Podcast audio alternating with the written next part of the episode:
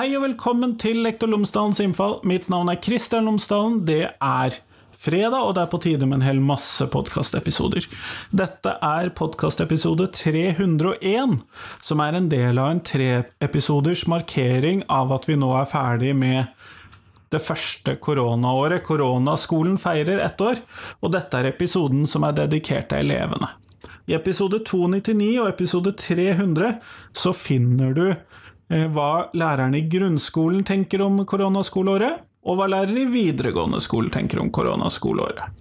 I denne episoden, episode 301, så snakker jeg med Sara Khalid, som er leder for Sentralt ungdomsråd i Oslo, Edvard Botteli Udne, som er nyvalgt leder i Elevorganisasjonen, Leon Krogh Vignal, som er medieansvarlig i Ungdomsrådet i Bergen, og Elise Håkul Klungtveit, som er leder for Pedagogstudentene. Og jeg spør da, hva har de hvilke tanker har de gjort seg? Hvordan har det vært for deres grupper, og at skolen har vært sånn som den har vært? Hva tenker de at vi som skole er nødt til å ta med oss videre til når skolen blir og kommer tilbake til det vanlige igjen? Jeg stiller rett og slett de samme spørsmålene, i hvert fall hovedspørsmålene, til alle disse elleve menneskene som jeg har intervjuet på podkasten til denne markeringen. Men i hvert fall, i denne episoden så finner du elevene og studentenes syn, vinkling, på dette. Ellers, podkasten er som alltid sponset av Cappelen Dam Undervisning, og hvis du går inn på skolen.cdu.no, så finner du alle de oppleggene som Cappelen Dam har laget i forbindelse med fagfornyelsen. Alle temaer, tverrfaglige emner, alle klassetrinn, i det hele tatt for grunnskolen, skolen.cdu.no. Men her kommer samtalene mine med Edvard Botteli Udnes, Leon Krogh Vignal, Elise Håkul Klungtveit og Sara Khalid. Vær så god.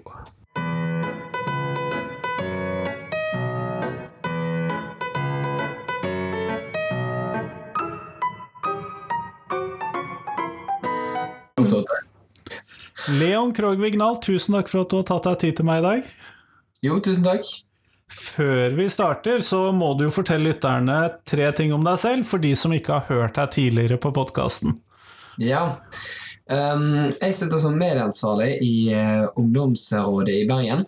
Uh, jeg går på Langøyen skole, uh, 1MN uh, første klasse. Og um, i år så gleder jeg meg veldig mye til å faktisk få lov til å spille inn Eller å spille revyen vår på skolen. Ja, det er jo ikke en selvfølge, så det skjønner jeg Nei. at du er glad for. Men det er bra at vi ikke kastet bort et helt år da, på øving. Men, og det er jo nettopp kanskje kjernen i det vi skal snakke om. fordi at eh, Hvordan har det vært å være elev det siste året? Det har vært uh, utfordrende på mange plan. Um, jeg har jo som førsteklassing da fått den siste delen av tiende og begynnelsen på noe nytt. Så slutten og begynnelsen på noe nytt. Uh, og det har egentlig vært uh, veldig mye opp og ned. Jeg husker i tiende så var det veldig sånn uh, da for et år siden så var det veldig sånn Vi syntes det var så digg. Vi slapp eksamen.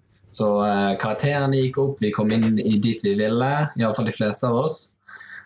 og det var lang vår og sommer, og vi kunne være ferdig på skolen tolv og dra ut og bade og leke sammen. Og det var god stemning.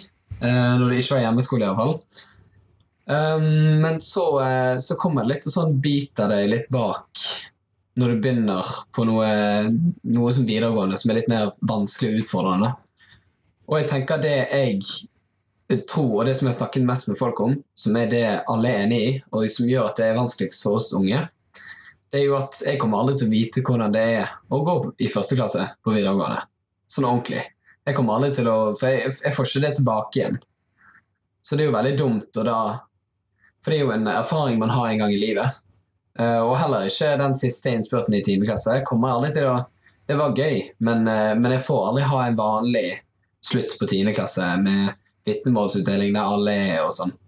Og det er jo veldig dumt. Ja, nei, jeg har forstått at både vitnemålsutdelinger uh, og andre den typen ting har vært ganske forandret det siste året. ja, absolutt. Men hvilke tilpass, eller hvilke sånne ting er det du Hvordan har det vært å være på skolen da, når dere har hatt skole som en del av dette? Altså Hjemmeskole for min del, det, er, det syns jeg ikke er gøy. Um, det handler egentlig bare om hvordan jeg lærer på. Altså hvordan jeg lærer best. Jeg lærer best av å ha den sosiale interageringen med de andre elevene.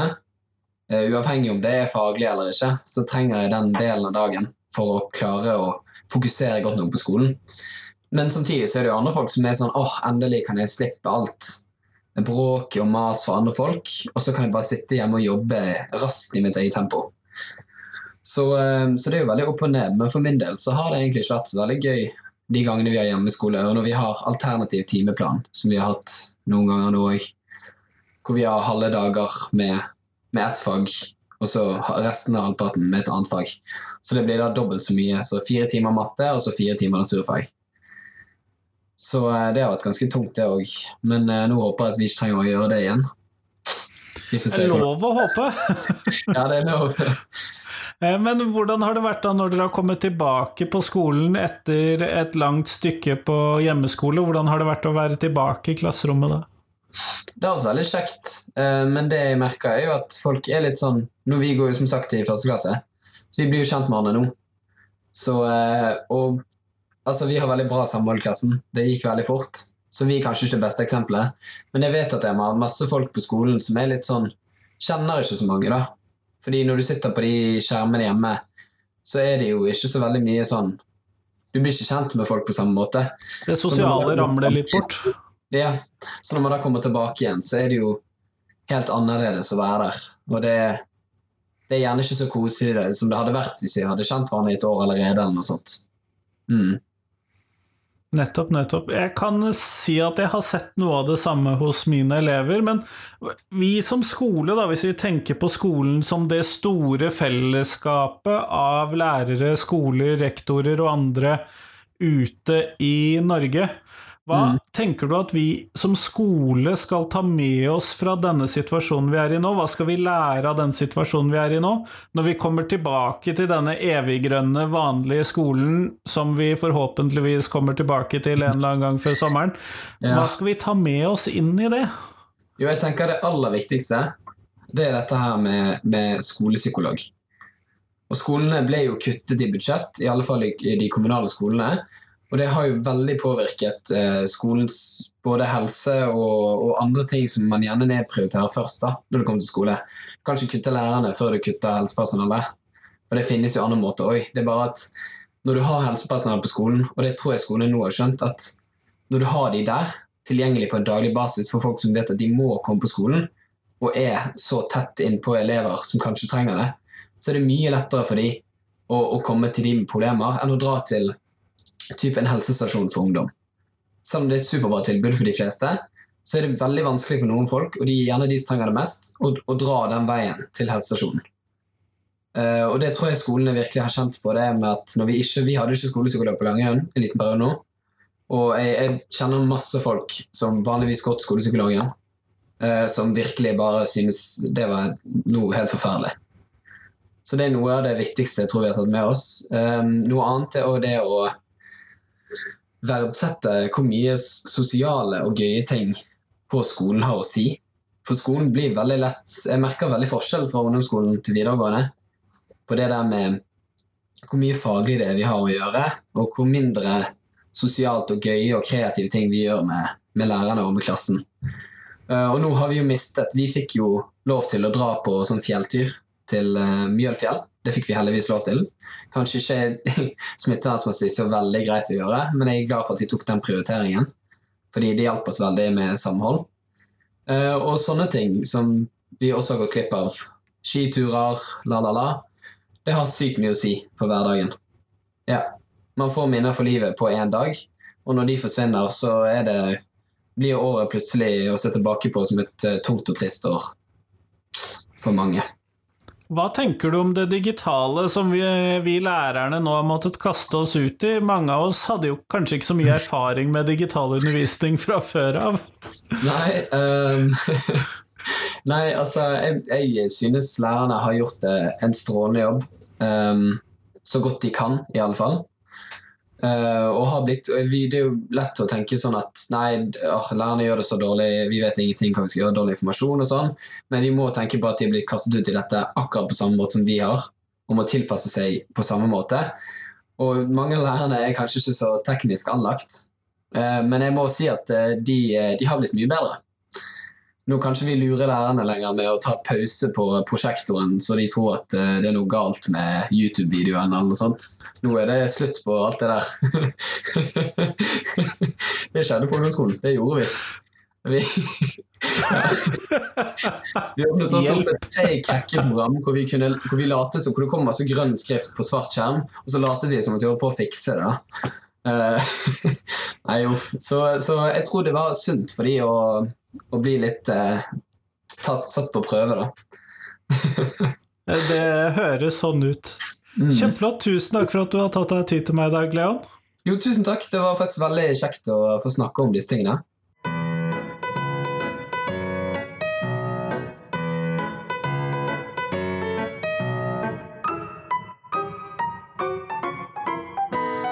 Elise Håkul Klungtveit, tusen takk for at du har tatt tid til meg i dag. Bare kjekt. Før vi starter selve samtalen, så hadde det vært fint hvis du fortalte lytterne mine tre ting om hvem du er, sånn at de blir litt bedre kjent med deg. Ja. Eh, jeg heter Elise. Eh, jeg kommer fra Stavanger. og så har jeg tatt eh, barnehagelærerutdanning i Bergen. og så hadde jeg bestemt meg for at jeg aldri skulle flytte til Oslo. Det trodde jeg var verdens skumleste by. Men så fikk jeg en sånn hunch på at eh, det kunne være litt kjekt allikevel. Eh, så jeg ga det et halvt år. Eh, søkte på master i barnehagepedagogikk og flytta til Oslo. Eh, og det er fire år siden. Eh, så nå bor jeg og jobber i Oslo som leder for pedagogstudentene i Utdanningsforbundet. Mm. Nettopp, og det er jo nettopp som leder for disse studentene du er hos meg i dag. Stemmer det. Og nå er det jo ett år siden, når denne episoden publiseres, så er det ett år siden koronaskolen slo inn over norske skoler, og vi etablerte koronaskolen. Eh, og det rammet jo også universiteter og praksisplasser og alt mulig rart. Så hvordan har det vært å være lærerstudent det siste året? Eller barnehagelærerstudent, for den saks skyld? Ja det eh, sånn, Jeg tror når vi skal snakke om på en måte studentene sin situasjon og oss og våre medlemmer sin situasjon det siste året, så, så, tror jeg man kan snakke om det litt sånn todelt. På den ene siden så er man student. Um, og studentene er en sårbar gruppe eh, fordi man har en sårbar økonomi.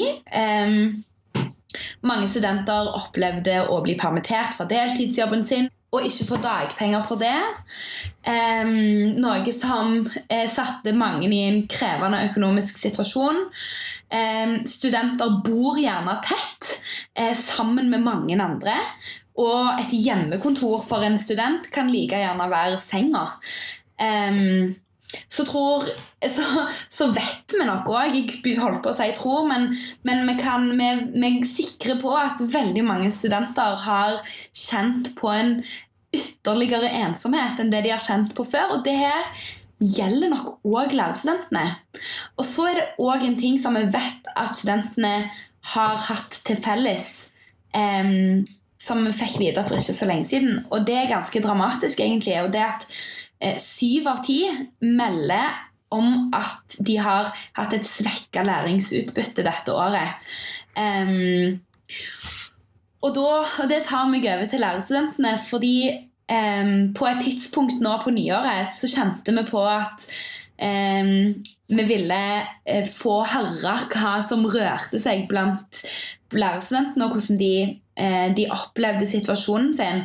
Og da fikk vi akkurat det samme tallet. Syv av ti meldte til oss òg om at de hadde et svekka læringsutbytte.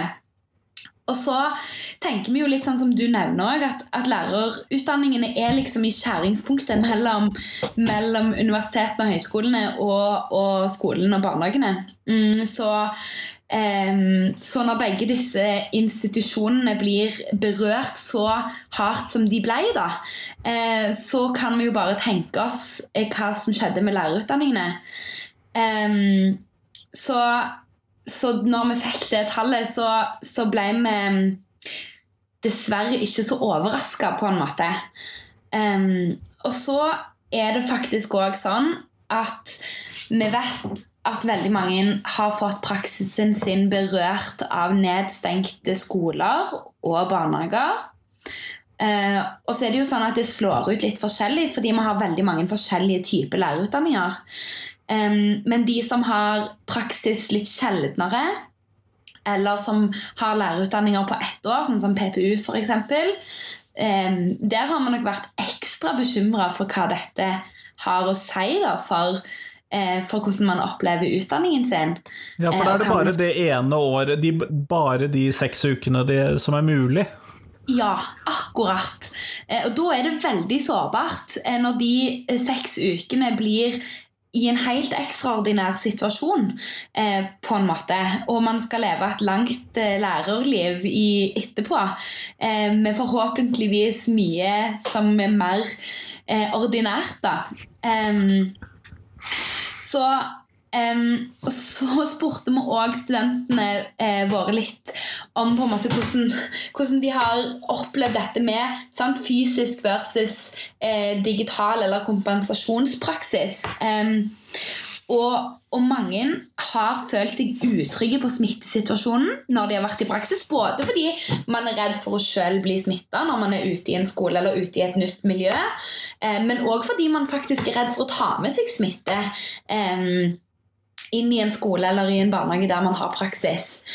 Em, og så em, og så er det òg sånn at det viser seg at, at veldig mange har eh, hatt kompensasjon for praksisen sin. Enten gjennom at de faktisk ikke har vært i praksis eh, i løpet av en praksisperiode og, og hatt eh, videocase eller sånn på universitet eller høyskolen istedenfor. Eller at de har deltatt i, i en, dig- den digitale Kall det koronaskolen, da. Um, Det, det det, har vært litt, det har vært ganske annerledes enn hva det pleier å være, da, med andre ord. Rett og slett. Og så er det òg noen som melder om at det har vært eh, verdifulle erfaringer, eh, og at eh, praksisskolen i samarbeid med høyskolen eller universitetet har vært gode på å på en måte la studentene få være med på denne ekstraordinære reisen og gjøre det om til kompetanse som blir viktig å ha med seg inn. Eh, mens, mens andre har opplevd det som mer krevende eh, å miste på en måte det ordinære læringsutbyttet. da. Em, så det har virkelig eh, satt sine spor, og, og jeg kjenner jo at jeg er litt sånn bekymra for hvilke typer arr dette, denne tida etterlater seg, da. em, for oss som, som tar lærerutdanning. Og jeg, jeg tror det som, det som jeg har tenkt mye på i det siste, er at, em, at det blir kjempeviktig at når vi er nyutdanna, vi som eh, har tatt en lærerutdanning i løpet av denne krisen, at vi blir møtt eh, sånn som vi burde, egentlig til vanlig, men som vi vet at veldig mange ikke blir. Men at eh, de som blir våre arbeidsgivere, passer på at vi får god veiledning. At vi får undervise i de fagene vi har kompetanse i, og jobbe med de klassetrinnene som vi har kompetanse til å jobbe i. Og en del sånne ting da, som vi, som vi vet fungerer, men som veldig mange opplever at de allikevel ikke får. da. Eh, så det tror jeg liksom er et sånn hjertesukk fra meg, kanskje, i, i møte med i møte med det som, som er etterlatt seg nå for studentene. Mm. Ja, eh, jeg kan jo tenke meg at disse mentorordningene blir viktigere enn det de Enda viktigere enn det de vanligvis er. Ja, og de er kjempeviktige til vanlig. Og vi som er lærerstudenter er, er opptatt av at eh, lærerutdanningene våre skal rustes til å komme ut i yrket. Men så tror vi at det ikke er alt vi kan lære i løpet av 110 eller 100 dager i praksis. Det er egentlig ikke så veldig mye i løpet av tre eller fem år. Um, så det å ha en god veiledningsordning for nyutdanna der ute, det, det tror jeg er den viktigste beskjeden jeg kan gi til de som skal ta imot oss når vi er nyutdanna. At de neste fem eller seks åra så vil det komme lærerstudenter som har fått lærerutdanningen sin berørt av denne krisen. Og da blir det så viktig at vi får eh, den gode overgangen fra utdanning til yrke. Fordi vi vet at de nyutdannede forsvinner, for det er for krevende for mange. Ja, og det gjør de jo allerede. Ja, Eh. det gjør de allerede. Så, så hva på en måte disse tallene vil ha å si, da, for det vi allerede vet er en dramatisk situasjon, det mm, Ja, det, det må man ta inn over seg, tror jeg. Um, hvis man er opptatt av å ha kvalifiserte lærere til, til alle elever og, og barn i barnehagen. Mm. Eh, Jeg er jo i en sånn litt sånn rar mellomposisjon, fordi at jeg jobber både for universitetet med å dra på praksisbesøk, og så har jeg praksisstudenter hos meg selv som lærer i videregående skole. Og jeg må si at sånn Jeg har ikke helt forstått hvordan sånn digital praksisbesøk kan være en god idé. Har dere gjort dere noen tanker For det har jo blitt vanlig mange steder. Har dere i Pedagogstudentene gjort dere noen tanker om disse digitale pedagogbesøkene ute i skolene? Ifra, ifra på en måte de som Høyskole og universitet og ja. Mm. Um, der, er, der er veldig mange eh, kreative løsninger. Og så er det jo, så er det jo klart at, at jeg tror at uansett hvilken på en måte innretning man har, så så tror jeg at det handler om å ha litt sånn blikket på målet. Eh, og målet med disse praksisbesøkene må jo være at studenten opplever denne eh, broen mellom det som skjer på høyskolen eller universitetet, og det som skjer ute i praksis. Og disse praksisbesøkene skal jo på en måte være med å, å skape den koblingen. Kanskje ikke minst for at eh, forelesningene skal, eh, skal ha en referanse i det som har skjedd for studentene i praksis. Um, og så har det jo vist seg um, dette året at um, selv om vi tenkte at dette går ikke, så er det veldig mye som går an å gjøre mm, digitalt. da. Uh, så, så, jeg tror ikke, så jeg tror jeg vil være forsiktig med å si at jeg, at jeg ikke har troen på det i det hele tatt. Um, men at det å, å hele veien ha et felles mål sammen med studenten, uh, eller studentene, på hva som er intensjonen med de verktøyene man bruker. da. Om det er, eh, om det er em, et digitalt besøk eller et fysisk besøk som sådan. Vi vet òg mange historier om fysiske praksisbesøk som kanskje fungerer på minussida, det òg. eh, ja. Ja, nei, jeg tenker meg at det er litt blandet drops, men du sa noe viktig her, sånn at det, det, ting kan fungere godt, og det leder meg over til neste spørsmål, fordi at det, vi skal jo forhåpentligvis over til en grønn hverdag igjen, eh, hvor vi mm, kommer oss tilbake til den vanlige skolen, til den vanlige lærerutdanningen, til de vanlige praksisbesøkene, hvor verden ser litt mer ut sånn som den gjorde før. Og da lurer jeg på, hva er det vi kan lære av alt det vi har gjort nå? Hva er det som er positivt? Hva er det vi skal ta med oss inn i den nye, eller den gamle skolehverdagen igjen? Når vi kommer oss ut av dette? Ja, de sier jo at eh, vi aldri kommer tilbake igjen til der vi var, men at det blir en ny normal. Um, og det handler kanskje om at det er noen ting vi tar med oss. da. Uh, og jeg tror for det første at um, at læreres profesjonsfaglige digitale kompetanse, eh, som, som jeg mener ofte handler ikke bare om om hvordan man eh, bruker verktøy, men eh, på hvilken måte man eh, bruker verktøyet i møte med elever eller barn. Eh, det, eh, det er viktig, og det har man snakket om i mange år. At det er vikt, et viktig element å få inn i lærerutdanningene. Og så tror jeg veldig mange har fått sånn derne krasjkurs eh, dette året.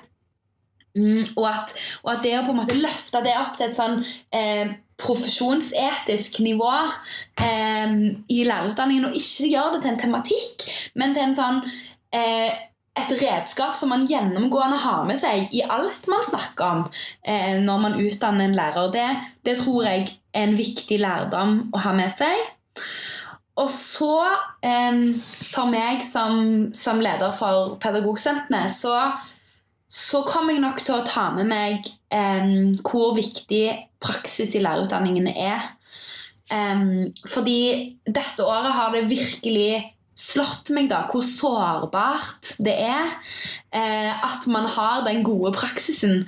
Um, og så gjorde vi faktisk en, en undersøkelse, um, en nasjonal undersøkelse i februar 2020, som var rett før det smalt, um, som viser det at det er dessverre altså, stor sammenheng mellom frafall i utdanningen og opplevelse av kvalitet i praksis. Sånn at Hvis en har en dårlig opplevelse i praksis, så er det òg ganske mange av de som vurderer Som, som, um, som oppgir det som grunn til at de vurderer å avslutte lærerutdanningen sin. Uh, og når vi da vet at veldig mange har hatt uh, krevende opplevelser i praksis dette året, så, så blir jeg bekymra. Og så vet vi sant, at lærerutdanningene er eh, underfinansiert over hele linja. Eh, og da blir det sårbart. På samme måte som at det er sårbart å drive skole og barnehage fordi at kommuneøkonomiene er krevende òg. Um, og når det da er så sårbart, um, så blir jeg bare enda sikrere på at det er kjempeviktig at vi som lærerstudenter er tydelige på at vi trenger bedre finansiering av lærerutdanningene våre. Um, og at det å f.eks. Um, sikre praksisnære lærerutdanninger med, med praksisperioder der studentene faktisk opplever kvaliteter, um, det blir en viktig jobb å gjøre i året som kommer. Ja, og det har bare blitt enda viktigere nå.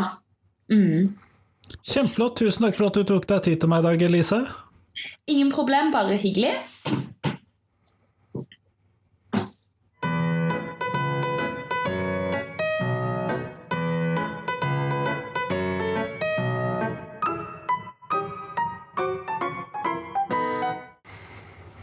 Sara Khalid, tusen takk for at du har tatt deg tid til meg i dag. Tusen takk for at jeg får komme. Eh, før vi starter selve samtalen, så hadde jeg håpet at du kunne fortelle lytterne mine tre ting om deg selv, sånn at de kan få bli litt bedre kjent med deg. Ja, eh, jeg heter Sara Karlin, er 18 år, leder for Sentralt ungdomsråd og går på Edvard Munch videregående skole i Oslo. Og det er da Sentralt ungdomsråd i Oslo, sant? Ja. Kjempeflott. Eh, og det som jeg lurer på, for nå er det jo gått et år siden koronaskolen begynte, og hvordan har det vært å være elev det siste året? Uh, altså, det har vært utrolig vanskelig. Vi kom jo inn i en periode som var ganske usikker. Vi visste jo ingenting om korona. Vi visste ikke hva som skulle skje. Og vi visste ikke hvordan skolen skulle bli. Altså, det har vært en del hjemmeskole. Vi har ikke sett hverandre. Og skolen er ikke det som pleide å være før, da. Nei, det kan jeg se for meg. Hvordan har det vært de dagene når dere har vært eh, lenge på hjemmeskole og så kommet tilbake på skolen? Hvordan har det vært? Altså, det å sitte hjemmeskole helt alene, det er utrolig slitsomt. Og man kjenner at man bare orker ikke mer. Man mister helt motivasjonen. Men når vi får dra på skolen og se lærerne og se de i klassen Altså, jeg, jeg kjenner selv at jeg blir utrolig glad, for jeg savner noe sinnssykt mye. Det forstår jeg. Eh, er det lettere å være sånn, hva skal vi kalle det, er det lettere når den er helt hjemme, eller når den er litt sånn på skolen og så litt av skolen, eller er det lettest når det er strenge regler på skolen? Altså, ungdommen vil jo egentlig helst på skolen. Så hvis det er å holde litt avstand mellom eh, vennegjengen, så sier vi ja takk. Fordi hjemmeskole er ikke noe som vi eh, egentlig ikke noe vi vil, fordi det er så ensomt, og motivasjonen går ned, og man blir jo bare depressiv, holdt jeg på å si. Eh, det kan jeg jo se for meg, og jeg hører jo at mine egne elever sier noe av det samme. Eh, hva tenker du om at eksamen ble avlyst i fjor og i år? Eh, jeg tenker at det er ganske bra at eksamen ble avlyst. Vi har jo ikke fått den læringen vi skulle få. Fordi Hvis du sammenligner vårt kull, eller de som går på videregående nå, med de som gikk før korona, de har jo lært utrolig mye. Mer enn det vi har lært. Og det er jo mye lettere å lære ting når man er på skolen med læreren, enn det det er å sitte hjemme med datamaskinen. Så jeg tenker eh, det at eksamen ble avlyst, er veldig bra. Nettopp. Eh, hvordan har det sosiale vært sånn ved siden av skolen? For eh, sånn som du oppfatter det med, i den posisjonen du har? Altså, Oslo har jo blitt nedstengt flere ganger i løpet av året og fjoråret. Så når Oslo er nedstengt, så er fritidsaktivitetene stengt. Vi har ikke noe steder å være. Og de som trener, de får ikke trent. Så det å møte venner og det å på en måte leve livet har ikke vært det letteste. da, Fordi vi kan jo ikke gå ut, og vi kan ikke møte hverandre. Så det har vært ganske vanskelig. Det kan jeg se for meg, og særlig med tanke på hvor mye nedstengt Oslo har vært i, så kan jeg se for meg at det ikke har vært det letteste. Men hvis vi da tenker på skolen som en sånn hele skolen som skolen, ikke bare din enkeltskole, eller sånn, hva er det vi kan ta med oss fra denne koronaskolen inn i skolen sånn som den forhåpentligvis er når den eh, kommer tilbake til normalen? Når vi slutter å bry oss så mye mer enn at vi må bruke håndvasken når vi er på toalettet. Hva, hva skal vi ta med oss fra koronaskolen? Uh, altså, nå har det vært veldig mye fokus på psykisk helse. Fordi i koronasituasjonen så har jo den bare sunket hos ungdommen. Så det å ta med videre er vel fokus på psykisk helse og være på at det er folk å snakke med, for det har det jo vært nå. At når du har hjemmeskole, så sier ofte læreren ja, bare husk å ringe eller send meg melding, så kan vi snakke om det. Og det er utrolig viktig at vi tar med oss videre, sånn at elevene kan ha noen å snakke med og føle seg trygge med læreren, eller om det er klassekamerater. Nettopp, nettopp. Tenker du at det er noe vi har lært å gjøre bedre nå enn hvordan det var tidligere? Absolutt. Altså, jeg føler at den psykiske helsen ikke har blitt tatt på alvor, selv om Oslo-ungdommen gang etter gang påpeker det, så har ikke vi på en måte blitt eh, hørt. da. Mens nå i koronasituasjonen så blir vi jo mer og mer hørt, for det preger jo oss, ungdommen. Det er jo vi som på en måte rammes hardest. Så jeg, jeg føler at, en, at, fokus på psykisk helse og fokus på ungdommen har økt. Altså, vi har jo en del jobb å gjøre, vi må jo fortsatt bli hørt. Men det har forbedret seg gjennom koronatiden. Og jeg håper så inderlig at det går videre til når vi får den vanlige hverdagen tilbake. At vi ungdommen ikke bare mister plassen vår i samfunnet. Hvis jeg kan si det sånn, da. Det tror jeg du kan si. Tusen takk for at du tok deg tid til meg i dag, Sara. Tusen, tusen takk for at jeg fikk komme.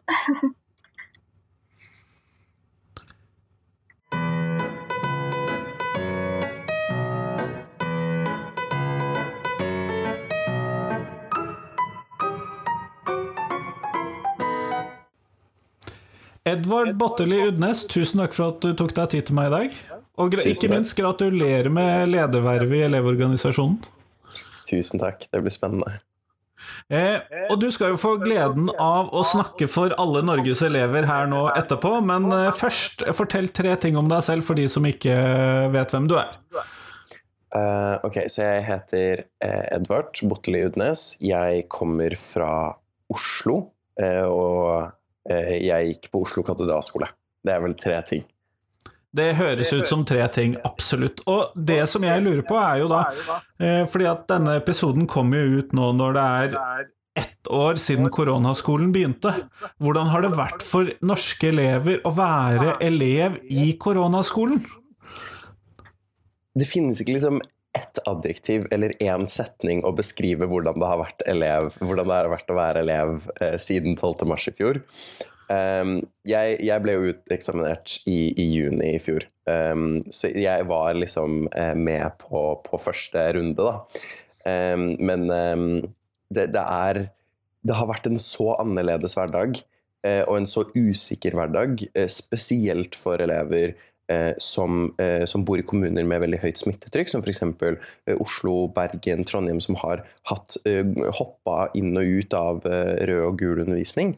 Ehm, og så er det jo den, denne famøse første bølgen, da, hvor vi, hvor, vi, bare var hjemme hele tiden i noe som virket som flere år. Um, men, men, jeg tror det har vært ordentlig usikkert, og det har vært ordentlig kjipt. Uh, vi har sittet uh, mutt putt aleine eh, på, eh, på rommene våre. Eh, eh, forhåpentligvis har vi vært litt i klasserommene også, men, men eh, måttet eh, Vi har ikke kunnet klemme vennene våre. Vi har ikke kunnet eh, eh, Vi har måttet ofre sosial kontakt. Eh, Og veldig veldig mye av det som har vært hverdagen vår tidligere, som har gitt oss identitet og som har gitt oss trygghet eh, i, en, i en veldig liksom, eh, hormonell hverdag ikke sant? i puberteten og alt det der, um, det, det, har, det har forsvunnet. Eh, og da må man løse disse problemene alene, og man må, um, man må erstatte sosial kontakt med seg sjæl. Og det er ikke alltid alle klarer det like bra. Nei, det er jo ikke det. Jeg har jo merket det at når elevene har kommet Når vi har vært på rødt nivå, eller når ting har vært helt nedstengt, og jeg underviser mye fellesfag, og når elevene har kommet tilbake på skolen og endelig kunne samlet seg i gruppene sine, så det har ikke vært lett å gjøre mye undervisning i de når vi har vært tilbake på skolen heller. Nei, det skjønner jeg jo godt. Mye sosialitet som skal tas igjen. Mm. Og det er jo det som er veldig viktig med skolen. Um, det er jo, eh, jeg sier dette, jeg har sagt dette flere ganger, at hvis man kun så på skolen som et sted hvor man åpnet boka og snakket med lærer, så hadde det jo ikke vært noe vits å møte opp på skolen i det hele tatt. Da kunne man hatt eh, digital undervisning. Men det er jo læringsprosessen er jo så mye mer enn liksom, finn svar i teksten-oppgavene og det læreren sier til deg. Men det handler jo om eh, de sosiale interaksjonene man har i friminuttet, i klasserommet, eh, i dokøen, eh, og også med lærer når man, når man sparrer med, med, med lærer om, om, kunnskap og om ideer.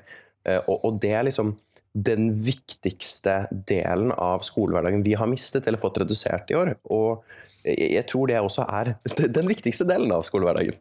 Eh, så, så det er jo Ja, det har vært utrolig kjipt. Men eh, hvordan eh, tenker du at man skal jobbe for at skolen skal bli bedre på det sosiale i denne situasjonen her, da? Hvordan, har dere hørt om noen gode måter å gjøre det på? Det er um, ikke et enkelt svar på det, uh, fordi dette er en utrolig vanskelig, uh, vanskelig problemstilling. Um, men uh, jeg, jeg, tror det viktigste er å ta initiativ. fordi det som det som mange eh, kan føle på, er at de ikke nødvendigvis er i en kjernegjeng, eh, eller at de eh, utenom skolen har noen faste de har sosiale interaksjoner med. mens de som liksom har en, en klikk, da, de klarer seg litt bedre. jeg husker i fra mars til, til mai, så spiste jeg lunsj med mange av vennene mine fra Katta. Eh, på, på, Teams, eh, fordi vi hadde en fast avtale om det.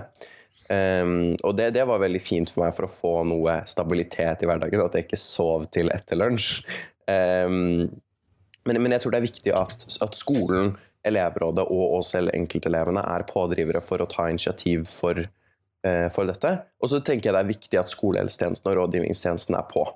Eh, at det må ikke kun være at skolehelsetjenesten og rådgivningstjenesten er noe du oppsøker, men nå så må de nesten oppsøke deg. Eh, og da, da trenger vi flere ressurser, det vet jeg, eh, men jeg tror det er viktig at spesielt nå som man er mindre på skolen, og helsesykepleier og rådgiver ofte også er mindre på skolen, så er det viktig at de systemene gjør seg kjent med elevene. Jeg burde jo nesten gjort et helt egen episode bare med å snakke med helsesykepleiere der ute for tilsvarende opplevelser, men eh, hva, hva, har skolene vært gode på for å få til uh, dette? Hva, hva, tenker Elevorganisasjonen at skolene ikke har fått til? Um, altså, det, det, det, er liksom det, det, jeg ser på som er eh, problemet med å svare på dette spørsmålet, er at koronahåndteringen har vært veldig, veldig opp til hver enkelt skole. Eh, og også skoleeier. Men det har vært det, er jo en av våre kritikker mot regjeringen. At når man har en, en nasjonal krise, eh, så, så, skal de fortsatt være på det ideologiske med at ja, men hver skole vet best selv.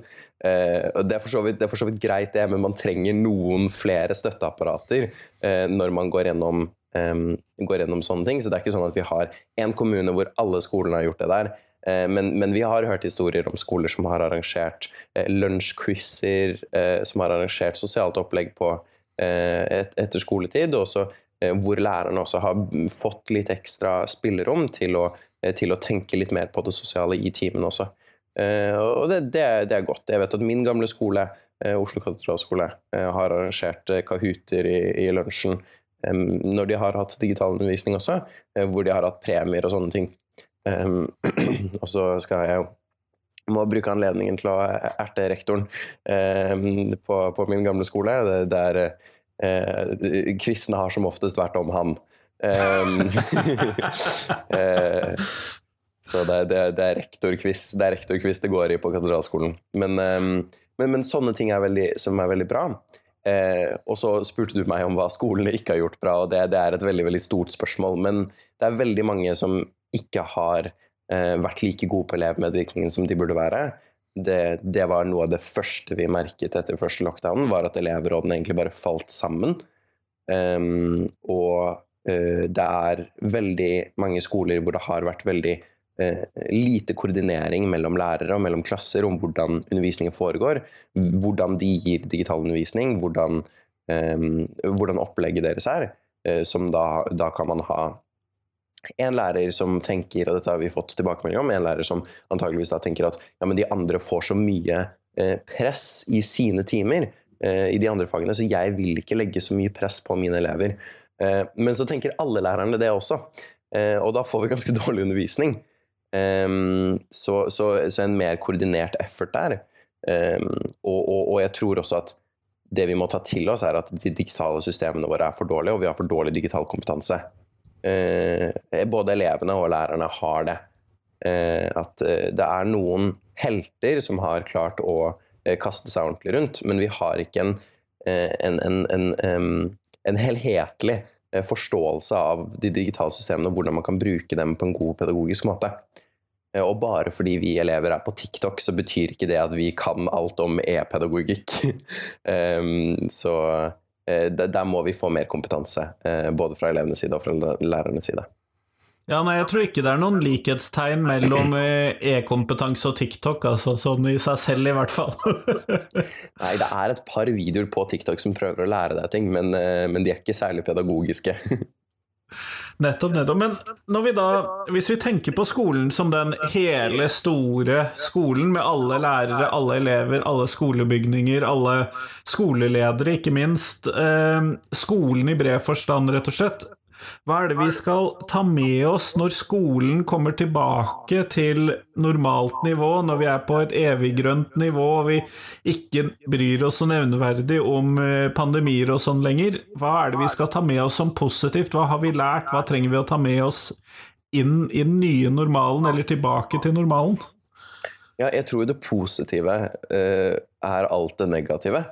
Eh, at nå eh, Vi, vi i Elevorganisasjonen liker å si at eh, korona har, har, lagt flombelysning over problemene vi allerede visste eksisterte i skolen. som f.eks., eh, som jeg sa i stad, de digitale systemene, som oppfølging av elever og som elevmedvirkningen.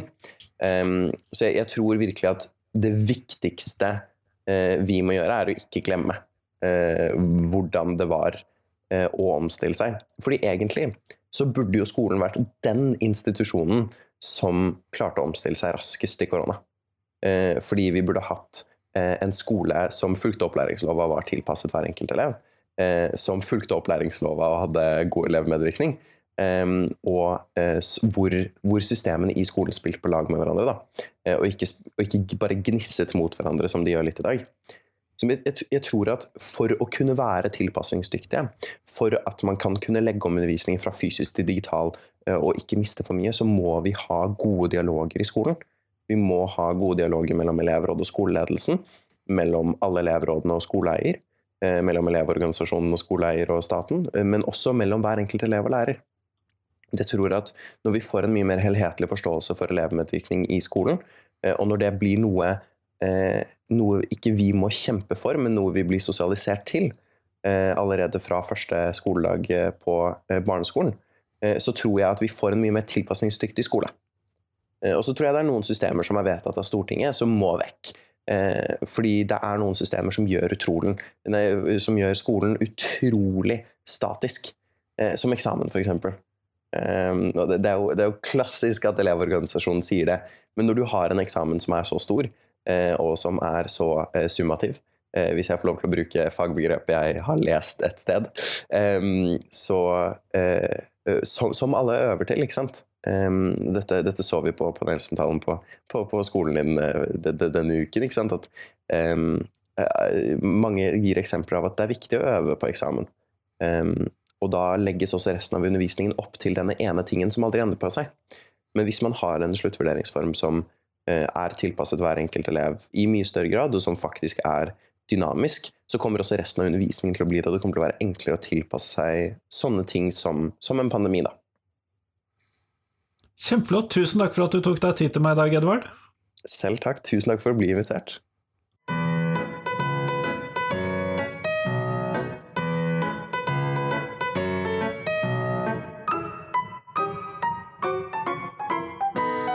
Tusen takk til Leon, Sara, Edvard og Elise, og tusen takk til deg som har hørt på. Nå har du kanskje vært igjennom episode 299 med grunnskolelærerne, episode 300 med lærerne i videregående skole, og denne episoden som du potensielt hørte nettopp på, episode 301 med elevene. Så jeg håper at du har kost deg med denne gjennomgangen, denne markeringen av at koronaskolen fyller ett år, og så lurer jeg på hva du tenker om koronaskolen. Så logg deg på Twitter, Instagram, Facebook, finn Lektor Lomsdalens innfall på alle disse plattformene, og fortell meg hva du tenker om de spørsmålene som jeg har stilt til alle disse. Hvordan har det vært å være lærer, elev, student i disse tidene, og hva skal vi ta med oss videre når vi kommer tilbake til normalsituasjonen? Hva er det som er så positivt at vi kan lære av det? Det vil jeg vite hva du synes også. Men i hvert fall hvis ikke du har fått høre, eller hvis ikke podkastprogrammet ditt har funnet deg disse forskjellige episodene. Gå inn, last de ned, de ligger der ute. Det er bare noen ganger når det kommer litt tette episoder, så klarer ikke podkastprogrammene å skjønne at de må laste ned alle sammen. Men du finner de på Spotify, Apple Podcaster, Google Podcasts osv. Så, så gå inn, finn de andre episodene hvis ikke du har hørt mer enn denne. Men i hvert fall, tirsdag da kommer det en helt vanlig episode. Da skal jeg ikke prøve å kjøre denne typen stunt, i hvert fall på en god stund. Ha en fin helg. Hei, hei!